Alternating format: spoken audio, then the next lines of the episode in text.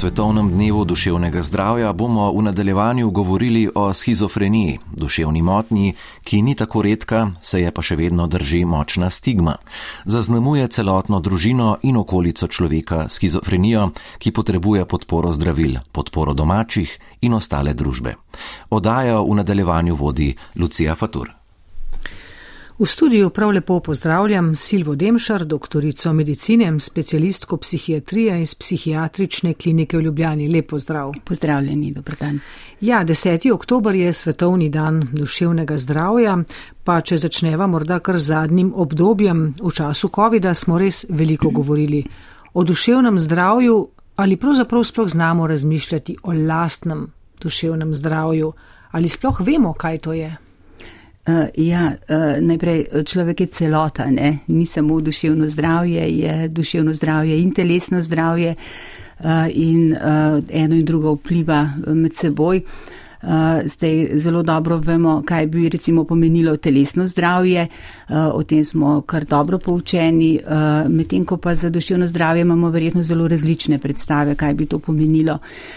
Veliko krat so ljudje pripričani, da so duševno zdravi takrat, ko so veseli, radostni, ko jim je zelo lepo, ampak v bistvu je duševno zdravje eno tako stanje enega zadovoljstva, ene pomirjenosti z samim seboj ko lahko v takem stanju, uh, bom rekla, se dobro počutimo, uh, lahko hodimo v službo, šolo, imamo urejene odnose uh, v družini, z okolico.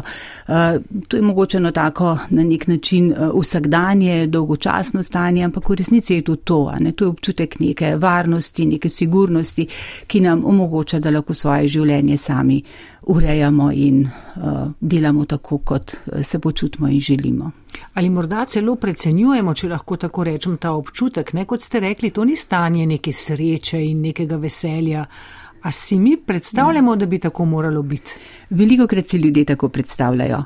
In ko nekaj tega umanka, uh, razmišljajo mogoče tudi o tem, da so depresivni, da so pretirano anksiozni, uh, ampak v resnici gre za čisto normalno, normalna stanja, ko se nam v življenju pojavljajo bremena, stiske, ko je kaj pred nami, ko, kaj, ko se pojavljajo kakšne izgube, spremembe in seveda rabimo nekaj časa in prilagoditve tudi v svoji psihi in takrat se ne počutimo ravno najboljše. Ampak to so taka normalna življenja življenjska stanja, ki jih v vseh obdobjih življenja nekako dajemo skozi in zurimo.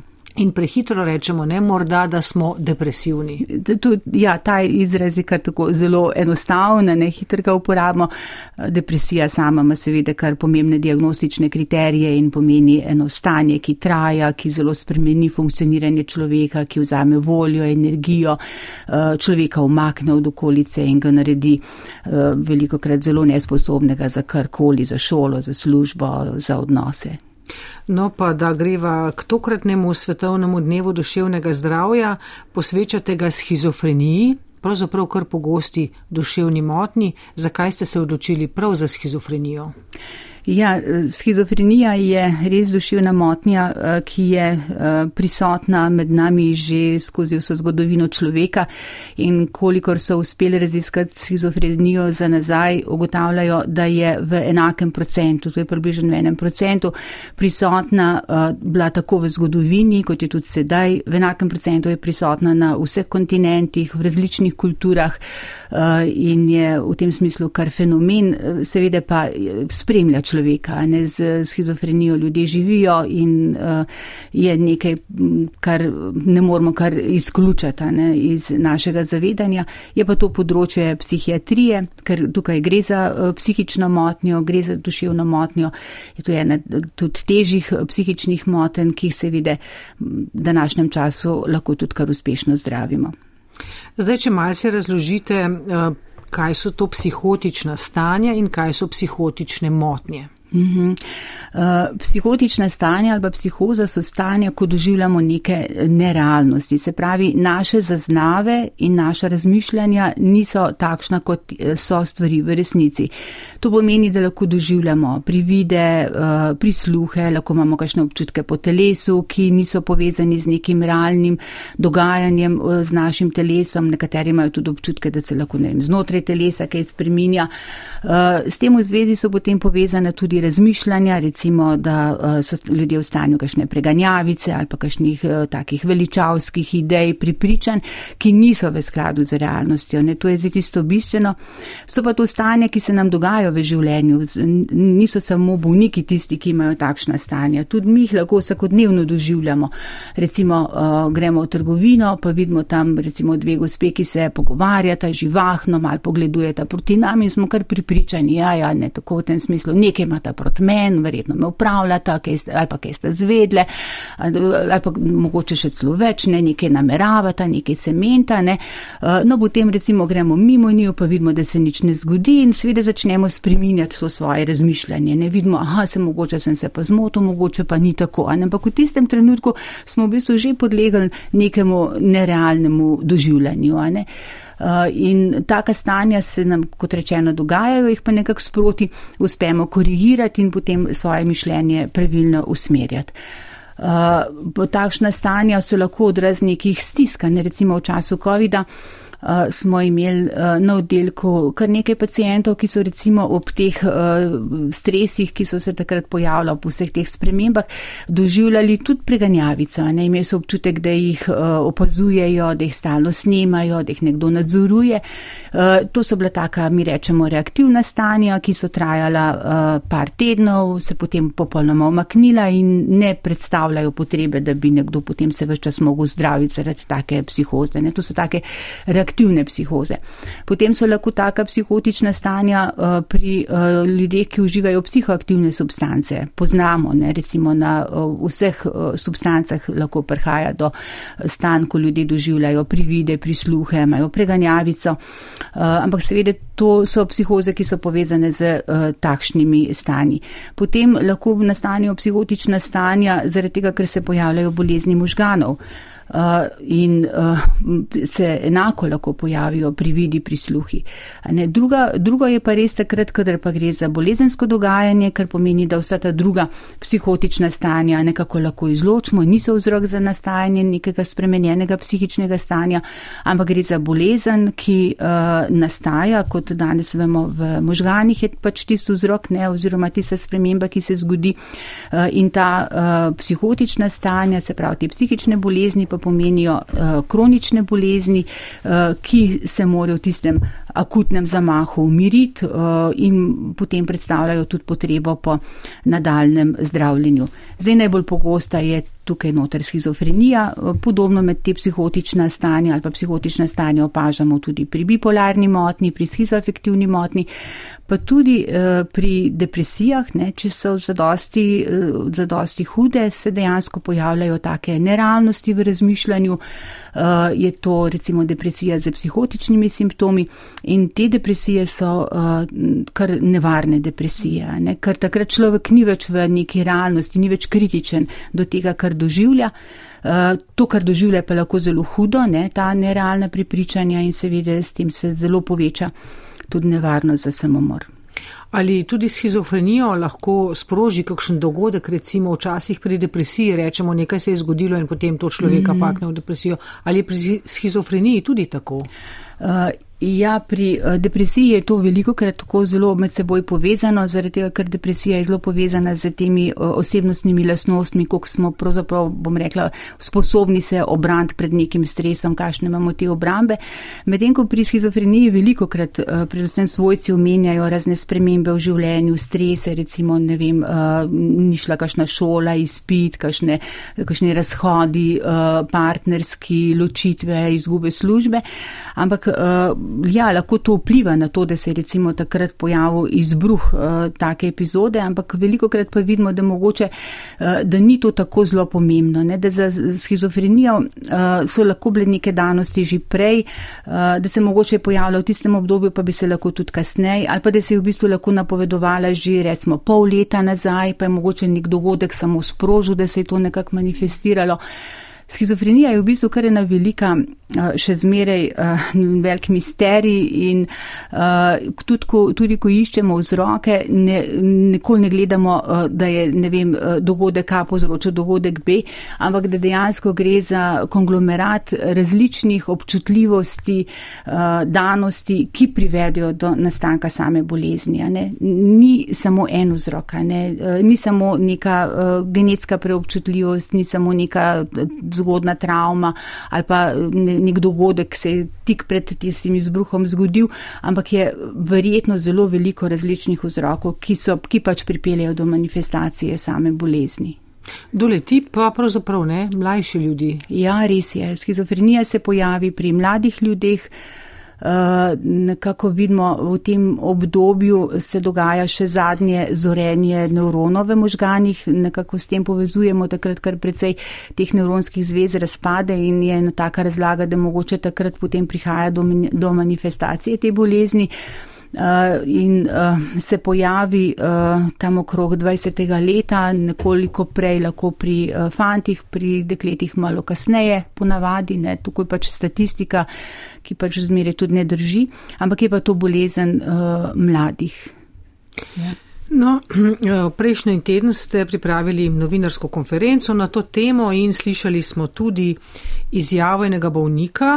Um, ste nam nekako um, poslišali, smo jo lahko, mm -hmm, ne? um, yeah, nekako yeah. posnetka ni bilo, ker pač želijo ostati anonimen.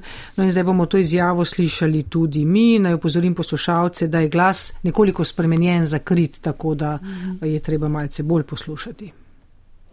Ja, spomnim se, um, pri meni se je to začelo pred 13 leti, ko sem dobil kožno bolezen, potem je šlo pa vse narobe.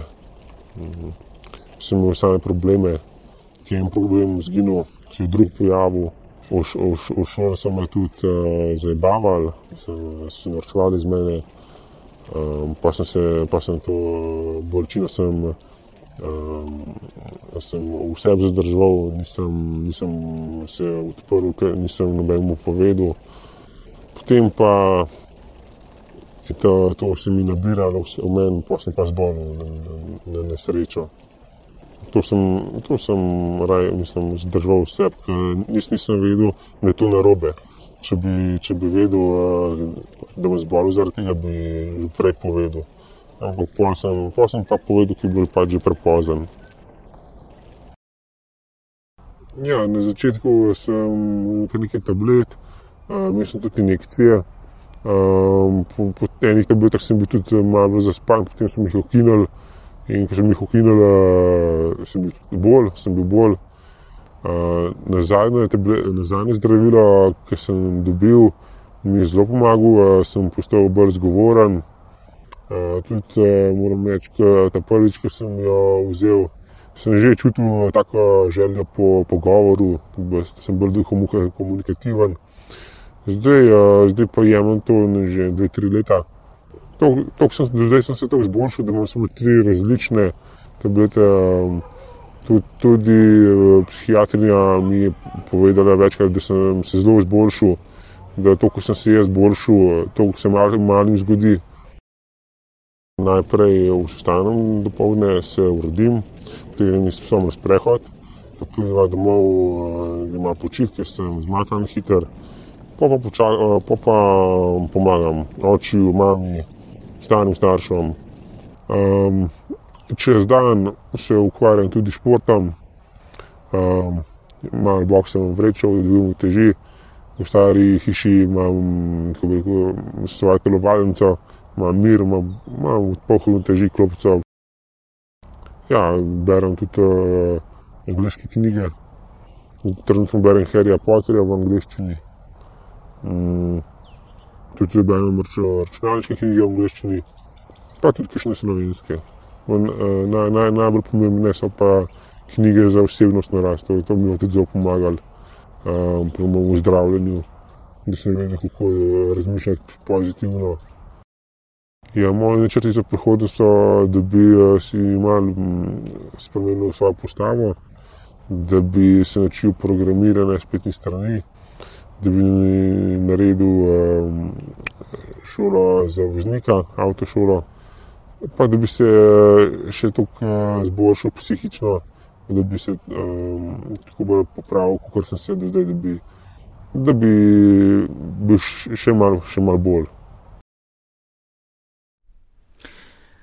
Dr. Demšarjeva, um, specialistka psihiatrije iz psihiatrične klinike, je naša gostja v tokratni oddaji med štirimi stenami.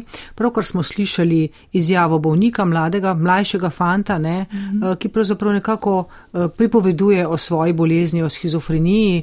Um, morda, če pokomentirate, um, on sam pravi, da se je začelo nekako takrat, ko je neka kožna bolezen, um, ne, ko je zbolel mm -hmm. za njo.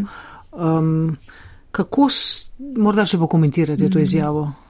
Uh, ja, uh, pri tem fantu se mi zdi uh, res uh, zelo, zelo fajn, zelo v redu to, da on lahko o tem govori. Mm -hmm. veste, naši pacijenti takrat, ko so res bolni ali pa tudi če v nekem obdobju potem zelo težko govorijo o svojih uh, doživljanjih, o stiskah in uh, um, absolutno to ne bi šlo tako kot pri tem fantu, ne, ki res uh, zmore uh, razmišljati, uh, pove o teh stiskah, ki jih je imel v mladosti. Očitno je bila pač neka bolezen, ki je pomenila neko travmo, neko stisko, očitno so bili tudi neki odnosi v šoli, ki niso bili uh, njemu preveč naklonjeni. Uh, in, um, ampak danes o tem lahko govori. Karkoli se je že dogajalo, uh, je, uh, bom rekla, toliko oddaljeno od tega njegovega doživljanja, uh, da ne predstavlja več tako akutne stiske, da ne bi mogel uh, se o tem pogovarjati.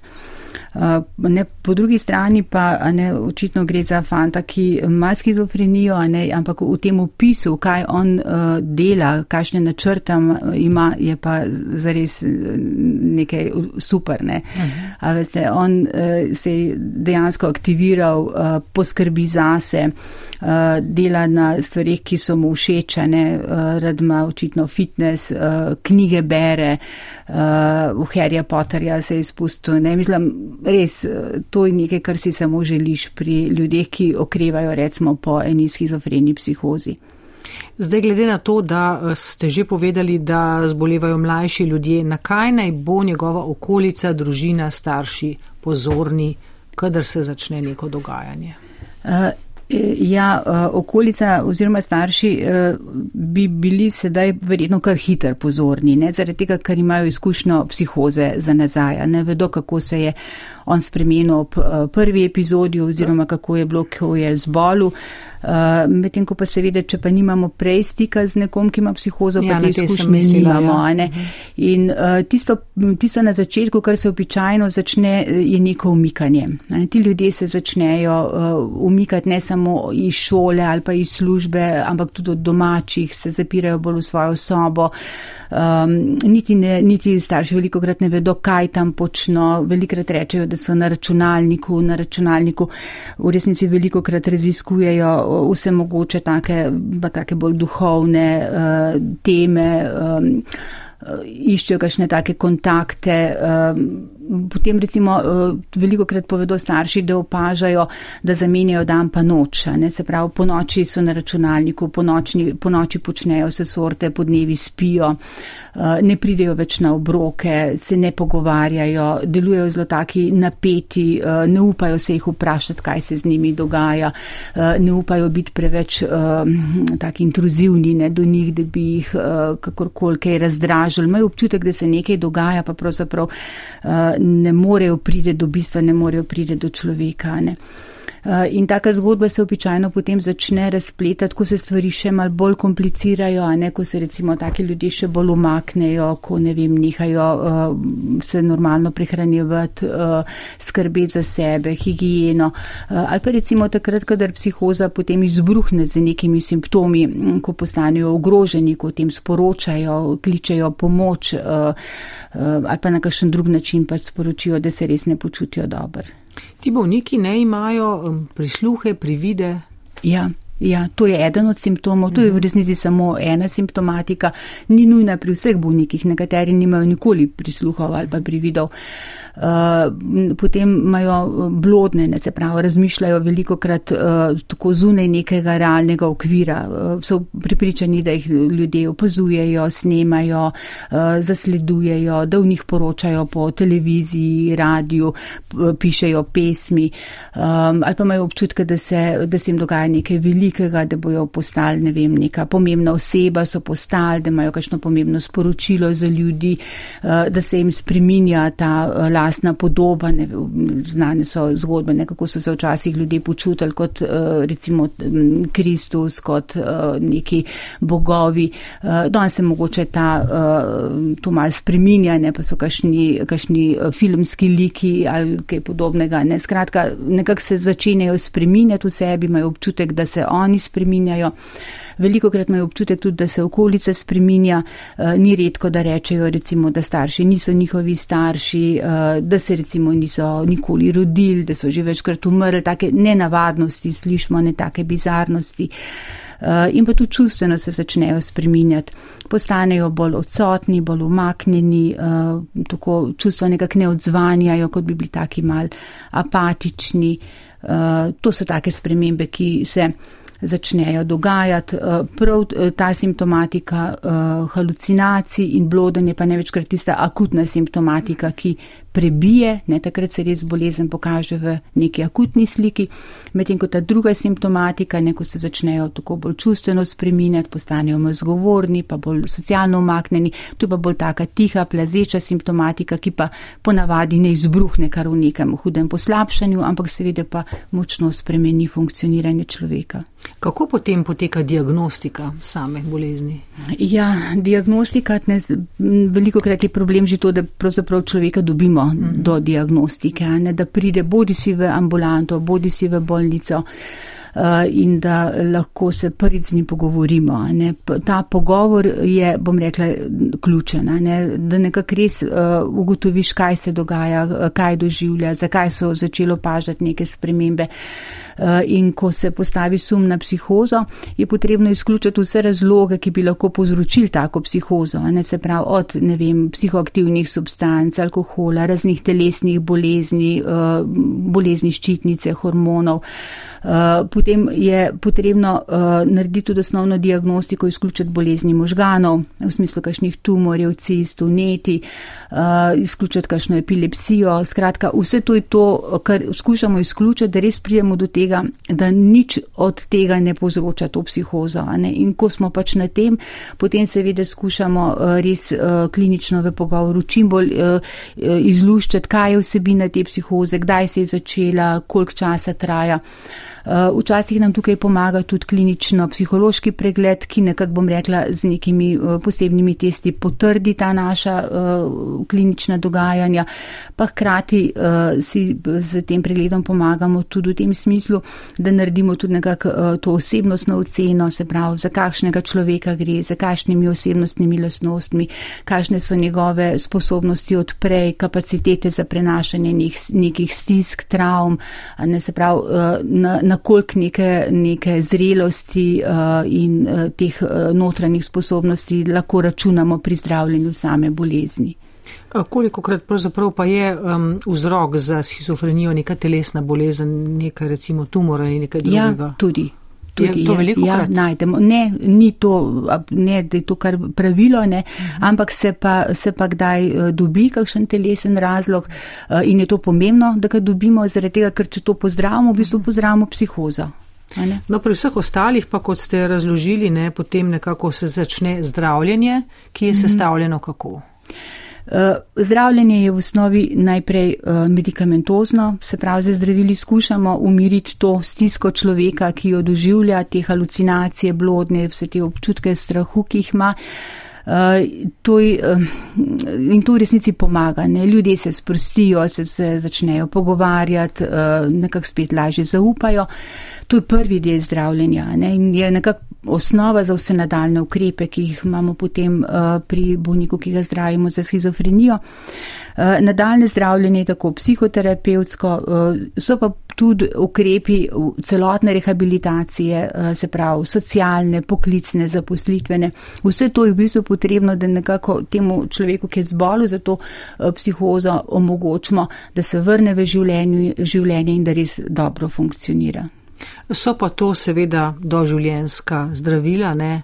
Um, tudi 30-40 let jih ljudje ja. jemljajo. Ja, res je. Schizofrenije danes ne znamo pozdraviti, znamo jo samo zazdraviti, kar pomeni, da tisto akutno stanje schizofrenije umirimo takrat je potrebno pač dajati več zdravil, potem kasneje je pa potrebno, mi rečemo, vzdrževalno ali pa preprečevalno zdravljenje, ko z običajno manjšimi odmerki zdravil skušamo preprečevati, da bi prihajalo do ponovnih in ponovnih epizod bolezni. Uh, in v resnici to traja celo življenje. Jaz imam recimo v ambulanti gospod, ki je tam okrog 70 let in že več desetletij je na zdravilih. Gospa živi sama uh, v uh, enem od stanovanj v enem centru, sama skrbi zase, hodi v trgovino, bila je tudi zaposlena, ima stike z sosedi, se pravi, živi popolnoma običajno življenje, ne bi nič mi videli, da je karkoli z njo narobe, ampak hodi pa redno vsak mesec recimo na injekcijo zdravila. Eh, zdaj pa bomo slišali spet en posnetek. Eh, gospod Edo ima sina, ki ima diagnozo že 40 let, no in vprašala sem ga, kako so pravzaprav opazili prve znake. Nič nismo opazili. Mislili smo, da so to neki znaki pubertete, Nismo takrat, 40 let nazaj, nismo nič kaj dosti vedeli o, tem, o tej zadevah, ne. tudi ni se pisalo, tudi ni bilo nevladnih organizacij.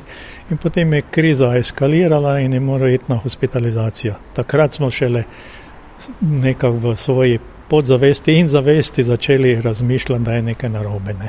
In takrat se je začel proces tega našega sobivanja skupaj in seveda ozaveščanja, da, se, da je nekaj res sinom narobe. Ne. Dolgo, časa, dolgo časa nismo prišli do točke, da bi, da bi lahko, eh, kako se reče, aktivno to reševali, ker je naši ljudje odklanjajo zdravila in tudi nočijo zdravniku, ker so pripričani, da nič ni narobe. In če nič ni narobe, ne bom šel zdravniku. Da to mi je danes jasno, takrat mi ni bilo. No, in smo šli skozi ta proces, da je manj zdravil, pa ne je manj zdravil. In če preskočim za to dolgo obdobje, danes živiva s sinom sama, dve leti pa pol sva že sama. Uh, sin je prišel do te, do te faze, da se nekako zaveda, da ima neke težave, ima še vedno prisluhe in in privide, ki pa z njimi živimo, in pa glede zdravil smo prišli na, na minimalno tisto zdržovalno dozo. Tudi sam že zelo sodeluje, jaz, jaz sem tudi po osnovni profesiji kemik, pa malo se spoznam na to in mu pomagam pri tem. Pomembno pa je, da je našel svoj, uh, svoj moto, pa življenjski cilj v glasbi. In v, skozi glasbo je on prišel na, na tak nivo, da je da je v bistvu zdaj lahko funkcionira. Ne. Kako ste vi uh, pred 40 leti razmišljali o tej bolezni? 40 let nazaj nismo nič vedeli o tem. Uh, ko smo prvič hospitalizirali sina na Pohorskem dvoru, takrat je bila psihiatrija tam gor, se pravzaprav nismo zavedali, kaj se dogaja. Ne. In še, šele potem, ko je moral biti tri mesece hospitaliziran in seveda pod močnimi zdravili, takrat so bila zdravila ta klasična, ne, haldol pa moditen, ne. Takrat smo začeli porazmišljati, iskati možnosti, kaj, kaj bi malo več zvedli o tem, kako bi lahko mu pomagali, predvsem v tej ihti smo bili, ne, kako pomagati. Smo iskali potem povezave, smo našli, te, čez nekaj časa smo našli potem Ozaro, ki je prvo začela v Mariboru, potem čez nekaj časa pomoč, smo se pridružili Šentu. Eh, Šent, eh, jaz sem prevzel forum svojcev, sem začel na ozaveščanju svojcev delati, predvsem pa na svojem, da sem jaz več vedel o zadevi, da sem, da sem tudi ozavest o to, da, lahko, da se lahko s tako motnjo, duševno motnjo, tudi šizofrenijo normalno živi. Mi mislimo, da to more biti ne vem kaj, ampak eh, ti ljudje morajo funkcionirati.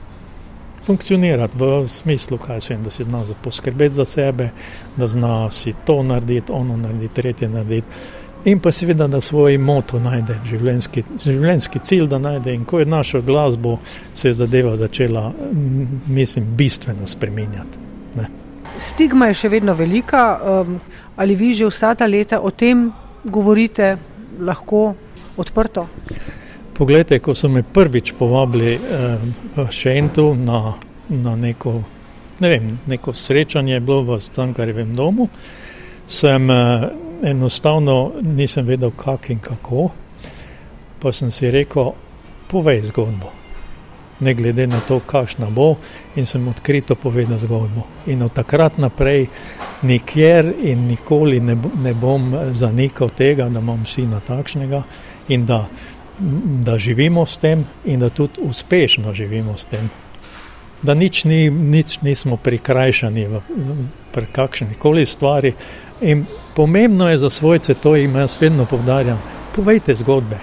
Povejte, ker družba ne ve, kaj je to.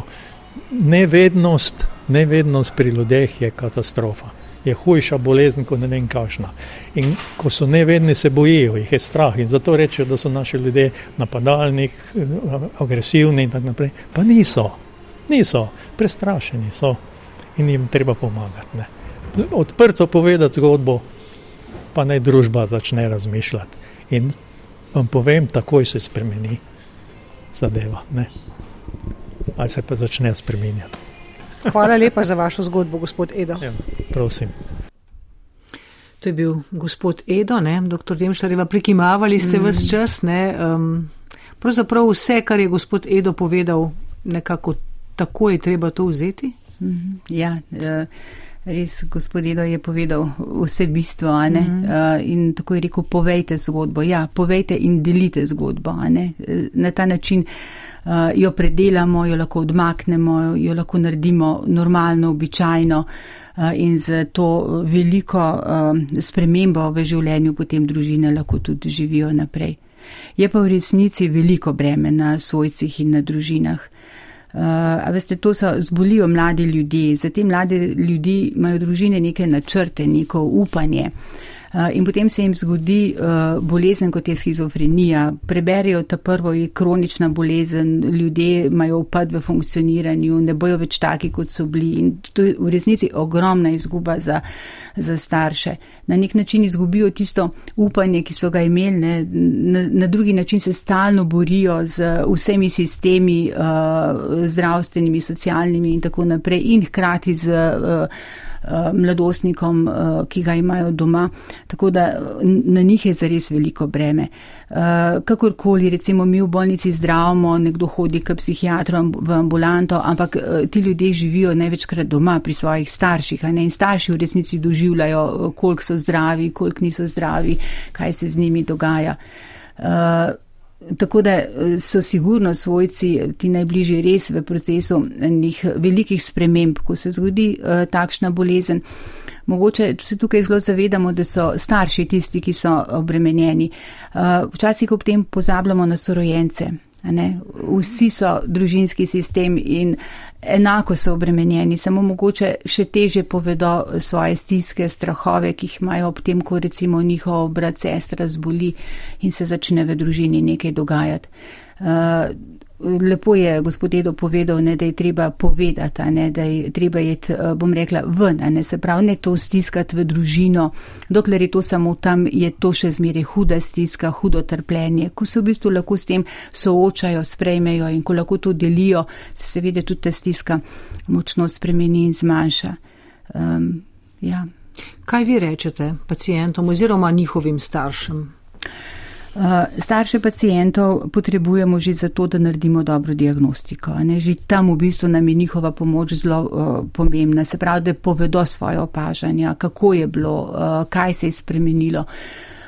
potem jih recimo v bolnici poskušamo z njimi načrtovati prihodnost, kako bo, ko bodo šli njihovi domov, kako bo od tam naprej, kaj bojo delali čez dan, kako bo glede šole, glede zaposlitve. Uh, ja, svojcem veliko krat skušamo povedati tudi to, da bolezen je tukaj potrebno bo vedeti nekaj o bolezni, tako kot je gospod Edo rekel, ne potrebno bo vedeti, kdaj se začenja uh, recimo se jih včeraj spet spreminjati, kdaj je bolezen spet bolj uh, izražena, uh, bo, potrebno bo biti mal bolj občutljiv za to, kaj se z takim človekom dogaja, ne. pa hkrati tako bom rekla potrpežljiv, na nek način mehak, dopuščajoč, ne. gospod Edo je lepo povedal, vsi ima še še zmeraj privide pa halucinacije, ampak ok, on s tem v redu živi in tudi meni je v redu, da če je to mm -hmm. tako, ne, da on lahko v redu živi. Uh, pa ne, ne kar obupata, ne. mogoče so se neke stvari spremenile, ampak iščemo naprej možnosti, uh, kako bo tamle človek funkcioniral, kako bomo šolo naredili, kako se bo zaposlil, uh, kakšne stvari bo najdu v življenju. Tukaj res potrebujejo naši bolniki svoje bližnje. No, v nadaljevanju pa bomo zdaj slišali še en posnetek, to bo magistr Bogdan Dobnik, vodja društva Ozara, ki tudi pomaga, razloži, kako pravzaprav društvo pomaga vsem, ki pridejo tja. Torej, k nam prihajajo ljudje, ki imajo mm, stiske, duševne stiske. Um, za marsikaterega se potem izkaže, da gre v zadju tudi za kakšno duševno motnjo. Tako da, ja, pretežno ljudje, ki imajo težave z depresivnimi simptomi, ki uh, tudi njihovi svojci, ki prepoznavajo določene stiske, težave. Um, tako da, uh, bodi si pride ljudje sami ali pa jih napotijo k nam, tako da jih potem ustrezno sprejmemo, pogovorimo in naredimo potem tudi načrt, v katero smer je potrebno delati, da bo človek čim bolj samostojno živel, da se bo čim prej vključil nazaj v okolje. Na kakšen način društvo pomaga? Najprej naj povem, da deluje po 27 krajih po Sloveniji. Pomagamo pa na različne načine, recimo že z enim uvodnim pogovorom, informiranjem, recimo o pravicah, ki so na voljo, marsikdo ne ve, katere stvari mu pripadajo z naslova socialnega ali zdravstvenega varstva. Potem en pomemben segment je namestitev. Namreč mi ljudem ponujamo um, uh, preko 70 mest za namestitev v stanovanjskih skupinah, ki so takšna, bom rekel, spodbudna okolja um, prehodne oblike, ki ljudem uh, pomagajo, da čim prej osvojijo veščine za neko samostojno življenje in potem tudi naredijo ta prehod. Mi smo zadovoljni, namreč vsako leto izmed 70 stanovalcev izselimo tam približno med 15 in 17 oseb, ki grejo potem v samostojno življenje, manjša, manjša, manjše število pa sicer v kako zavodsko obliko. Tako da namestitev je pomemben um, vidik, potem imamo uh, seveda strokovne um, svetovalne razgovore, ne samo z njimi, ampak tudi svojci. Potem pomemben vidik so izobraževanja, bodi si vrstniška, bodi si izobraževanje v smislu psihoje, edukacije, da čim bolj uh, spoznajo svojo bolezen um, in uh, potem lahko tudi z njimi čim bolj sodelujemo tudi pri samem zdravljenju. Uh, pa potem so razni programi samopomoči, potem en velik segment so prostočasovne aktivnosti, namreč spodbujamo jih, da se čim več gibljajo, da se čim več družijo, namreč imajo šibko socialno mrežo in pa mnogo kateri imajo slabe življenjske navade, to pomeni, da radi posegajo po alkoholu, pa po cigaretih, tako da jih na različne načine spodbujamo. No, da, pa seveda en del je še tega zagovornika, zagovorništva, torej pravnega svetovanja, um, samo društvo pa um, izdaja še knjige, to moram povedati, uh, na temo duševnih motenj. Um, zelo, um, uh, zelo um, veliko pozornosti smo namenili predvsem otrokom, tako da imamo kup knjig, ki otrokom razlagajo, kaj se z obolelimi starši dogaja. In pa, um, ja, uh, in pa te kampanje za um, spreminjanje odnosa družbe do uh, duševno bolnih, no, ki se mi zdi pa tudi zelo pomembno. To so razne kampanje, um, na katere opozorimo, da so ljudje, na katerih opozorimo, da so ljudje, ki imajo schizofrenijo, tudi zmožni delati pod določenimi pogoji, da imajo svoje želje, sanje um, in um, ja, da je potrebno ta odnos spremeniti in pomagati, da kakovostno živijo. Prav o tem je bilo veliko povedanega, oziroma večkrat omenjeno na novinarski konferenci. Ta stigma, še vedno je stigma. Zakaj? Stigma je sploh pri schizofreniji zelo močno zakorenjena. Verjetno zaradi tega, ker je izmed duševnih motenj najbolj taka misteriozna, najbolj je zavita v tančico in ljudje smo po naravi takšni, da se bojimo stvari, ki jih ne razumemo. Ne? Seveda vidimo tudi predvsem tiste pozitivne simptome, kot so blodnjavost, nanašalnost, halucinacije in seveda se take stvari bojimo. No? Ampak Prav bi bilo, da se informiramo, da, vemo, da izvemo čim več o sami bolezni, da ta odnos res spremenimo. Namreč sami ljudje, če jih boste vprašali, ne, vam bodo povedali, da je ravno ta odnos družbe, ta negativni odnos, ta neustrezen odnos največja ovira pri tem, da bi oni res ukrevali po bolezni. Kar je pa še slabše, je pa to, da se potem začnejo ti ljudje samo stigmatizirati, ne, da sami nekako vzgojijo neko pripričanje, da se oni itak nič ne bodo mogli, oni so duševno bolni, se lahko so utopeli, pasivni, kar pa ni resno. Kot sva rekla, veliko jih ima želje, potencijale ob novih pristopih zdravljenja, pa sploh. Koliko pozitivnih zgodb vi poznate? Ogromno je pozitivnih zgodb. Je pa res treba vedeti, ne, da pri vsakem a, so ti koraki k napredku različni. Ne da mogoče za nekoga napredek ta, mm, da si bo znal vem, organizirati um, svoje vsakdanje, vsakdanje bivanje, to pomeni, da si vem, pripravi kosilo, upere perilo, za nekoga pa mogoče, da se bo vključil nazaj v izobraževalni proces, da bo vem, naredil um, izpit za avtomobil, kot smo slišali v dokumentarcu. Tako da uh, je treba imeti odprte oči in videti tudi ti majhne korake, ki so včasih vodili k temu, da bo človek res enkrat v popolnosti zaživel.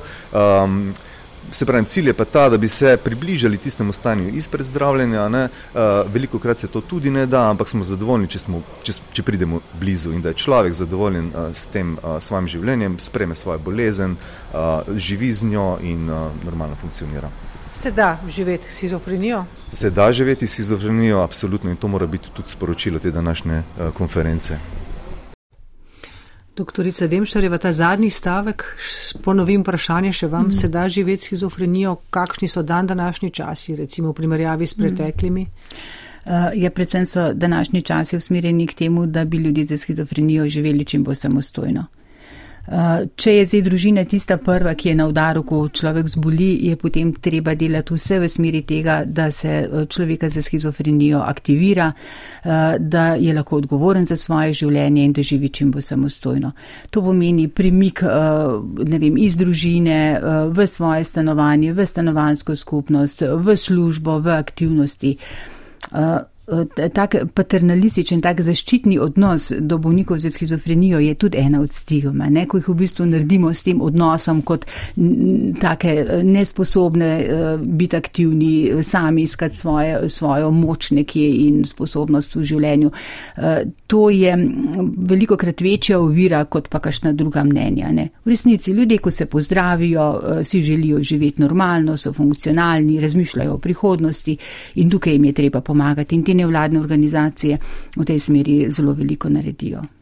Morda še sporočilo vsem nam ob Svetovnem dnevu duševnega zdravja, torej to je današnji 10. oktober, um, glede stigem in glede vsega, kar je morda v povezavi z duševnim zdravjem še vedno prisotno. Kaj bi nam rekli?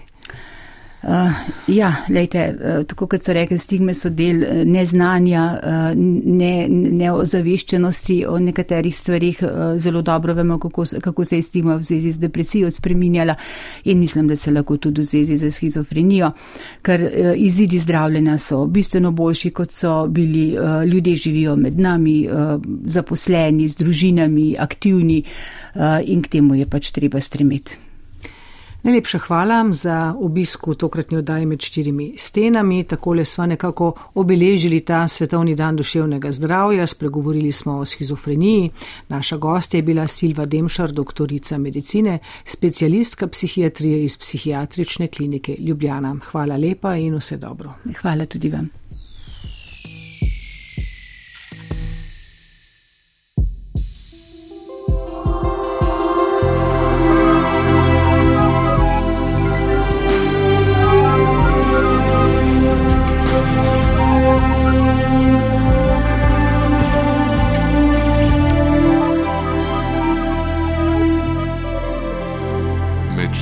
Stenami.